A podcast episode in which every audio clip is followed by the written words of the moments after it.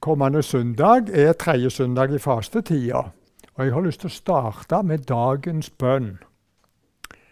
Allmektige Gud, du vinner over det vonde.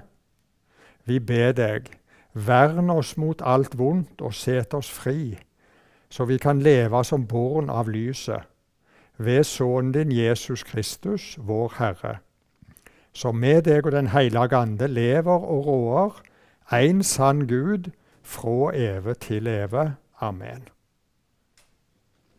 Denne bønnen slår an tonen for dagen, nemlig seier over det vonde, eller skal vi si den vonde. Eh, og vi ber altså 'vern oss mot alt vondt'. I alle tre tekstene for dagen er Satan, anklageren, nevnt. Øverstepresten Josva, som står framfor Herrens engel, og Satan, som fører klagemål mot ham, det er GT-teksten. Paulus, som har fått en torn i kroppen, en Satans engel, det er pistelteksten.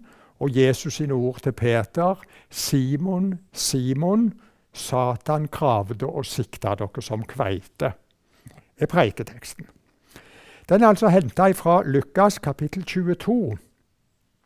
Og Perikopen denne gangen er vers 28-34. og uh, Thomas Long, en homiletiker, har sagt at uh, en preiketekst er ofte som, et, som en tapetbete som er tatt ut av en vegg.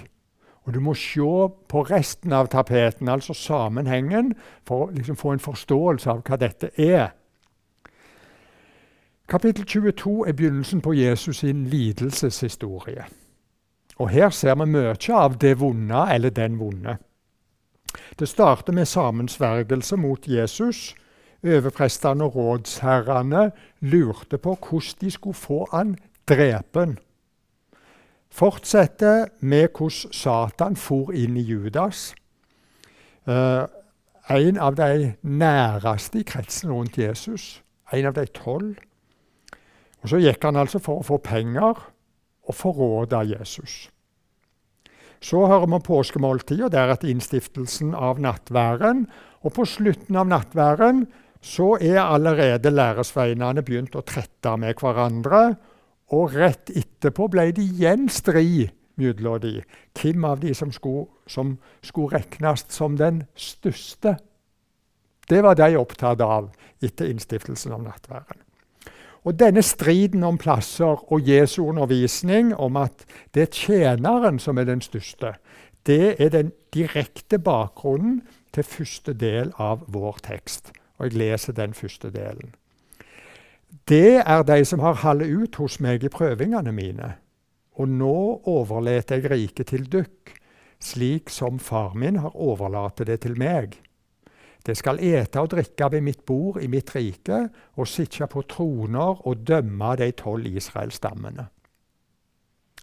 Det lille ordet 'det' på gresk, hymeis 'det', men det får fram motsetningen imellom læresveinene, som diskuterte hvem som var størst, og Jesu ubetinga løfte om at de skal få del i hans kongeherredømme.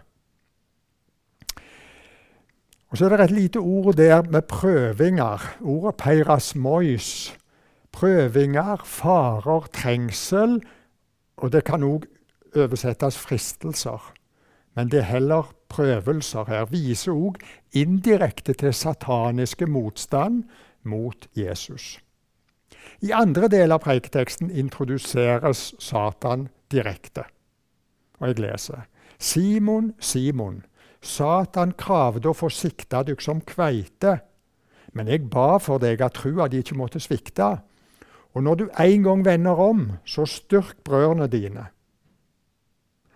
Herre, sa Peter, med deg er jeg klar til å gå både i fengsel og dø. Men Jesus svarer, jeg sier deg, Peter, hanen skal ikke gale i natt før du tre ganger har nekta at du kjenner meg. Litt detaljeksegese. Merk vekslingen i pronomen eller entall-flertall her. Først er det eh, Simon, og så sa at han kravde å få sikta dykk, dere, altså Simon, og så flertall. Så sier Jesus 'jeg ba for deg', entall igjen. Og når du vender om, så styrk brødrene dine, altså flertall. Peter eh, blir tiltalt, men Peters fall er en del av Satans plan for å føre alle læresveinene til frafall. Så står det her at Satan kravde ex aiteomai, som eh, Howard Marshall oversetter med 'to ask for', 'to demand' eller 'to demand the surrender of'. Uh, og bakgrunnen er gammeltestamentlige, der Satan ber Gud om tillatelse til å teste eller friste. Og det er særlig kanskje Jobb kapittel 1 som vi ser for oss bak dette. Merk at Satan må ha tillatelse til å gjøre dette. Han har på ingen måte uinnskrenka makt. Hva ba han om tillatelse til? Jo, å sikte læresveinene sånn som en sikter kveite. Og Det har vært mange forslag til forståelser.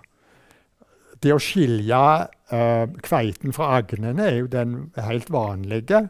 En annen er å holde tilbake større urenheter i eh, sikter, eh, sånn at kveiten slapper gjennom.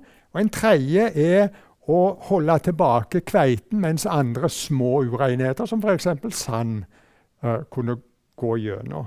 Uansett, det å sikte, eller kanskje riste Målet for Satan er å føre alle læresveinene til fall. Og Her finner vi igjen det lille ordet 'det'. Men jeg, jeg går det. Eh, det kontrasterer Satan og Jesus. Mens Satan vil føre Peter til fall, går Jesus i forbønn for Peter. Men jeg ba for deg at trua di ikke måtte svikte. Videre blir det gjengitt et løfte. Og når du en gang omvender deg, epistrefo, snu om, gå i motsatt retning, altså igjen vende seg imot Jesus og gå i den retningen, så styrk brødrene dine. Ikke hvis du omvender deg, men når du omvender deg. Satan vil ikke være i stand til å kvele trua i Peter takket være Jesu forbønn. Satan kan ikke lenger skade der Jesu makt er virksomme. Vi som kjenner historien videre, ser for oss Peter i ypperste prestens gård, der han tre ganger nekter for at han kjenner Jesus, ja, banner på at han ikke kjenner han, før hanen gjelder. Og videre Jesus sine tre spørsmål.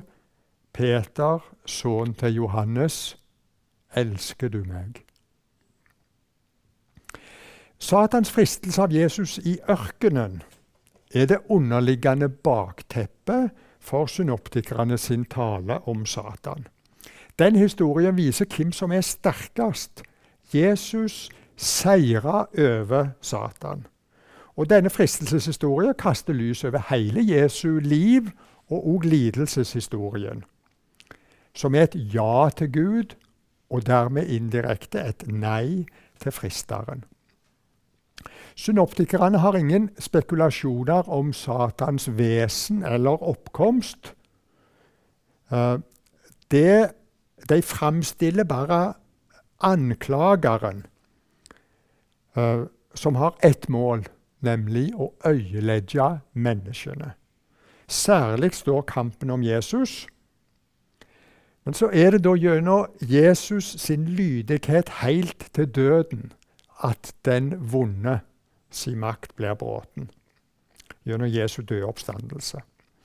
Og For å trekke inn uh, teologen Paulus sin beskrivelse av dette i Kolosserbrevet kapittel 2, vers 14 og 15 Et av de bibelordene som åpna evangeliet for meg som ung tenåring. Vi leser der Skuldbrevet mot oss sletta han, det som var skrevet med lovbåd. Han tok det bort fra oss da han nagla det til krossen. Han kledde maktene og åndskreftene nakne og viste dem fram til spott og spe da han synte seg som sigerherre over dem på krossen. Et sideblikk på GT-teksten for dagen. Jeg tror jeg leser den. Han viste meg øverstepresten Josva, som sto framfor Herrens engel, medan Satan sto på høyre side av hans og førte klagemål mot han. Herren sa til Satan, Herren refser deg, Satan. Herren som har valgt ut Jerusalem, refser deg. Sannelig, denne mannen er ei vedskie raka ut ord ellen. Josva var kledd i skitne klær der han sto framfor engelen. Engelen tok til, tok til ords og sa til de som sto framfor han, ta av han de skitne klærne. Til Josva sa han, sjå, eg tek bort skulda di og kler deg i festklede. Da sa jeg, set en rein turban på hovedet hans. De sette den reine turbanen på hovedet hans og tok på han kleda medan Herrens engel sto der. Josva, øverstepresten, den ypperste representanten for folket, står altså der i skitne klær. Og med god grunn fører Satan klagemål mot han. For Josva er et menneske, som oss, alt annet enn fullkommen. Men Herren tar øverstepresten i forsvar.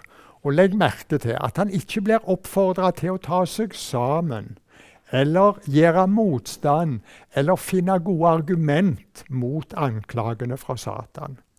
Han blir gitt nye klær. Sjå, eg tek bort skulda di og kler deg i festklær. Frelse er nemlig noe som blir gitt oss. En gave som blir gitt oss.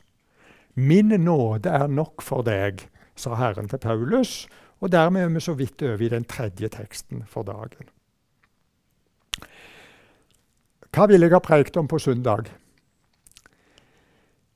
I tråd med fastetida sitt kampmotiv tror jeg jeg ville ha starta med alt det som kan anklage oss og føre til fall. Anklagene kan komme fra oss sjøl, fra omverdenen eller fra den vonde anklageren. Fokus i preika må være Jesus' seier. Den han vant gjennom kors og oppstandelse.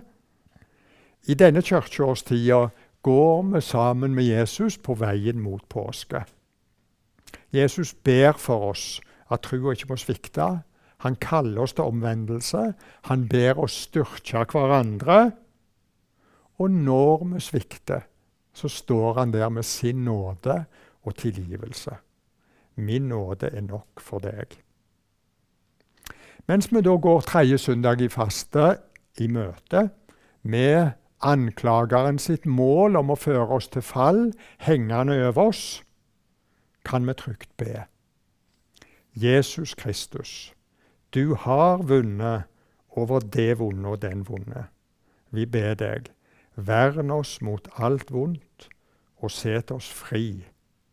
Amen.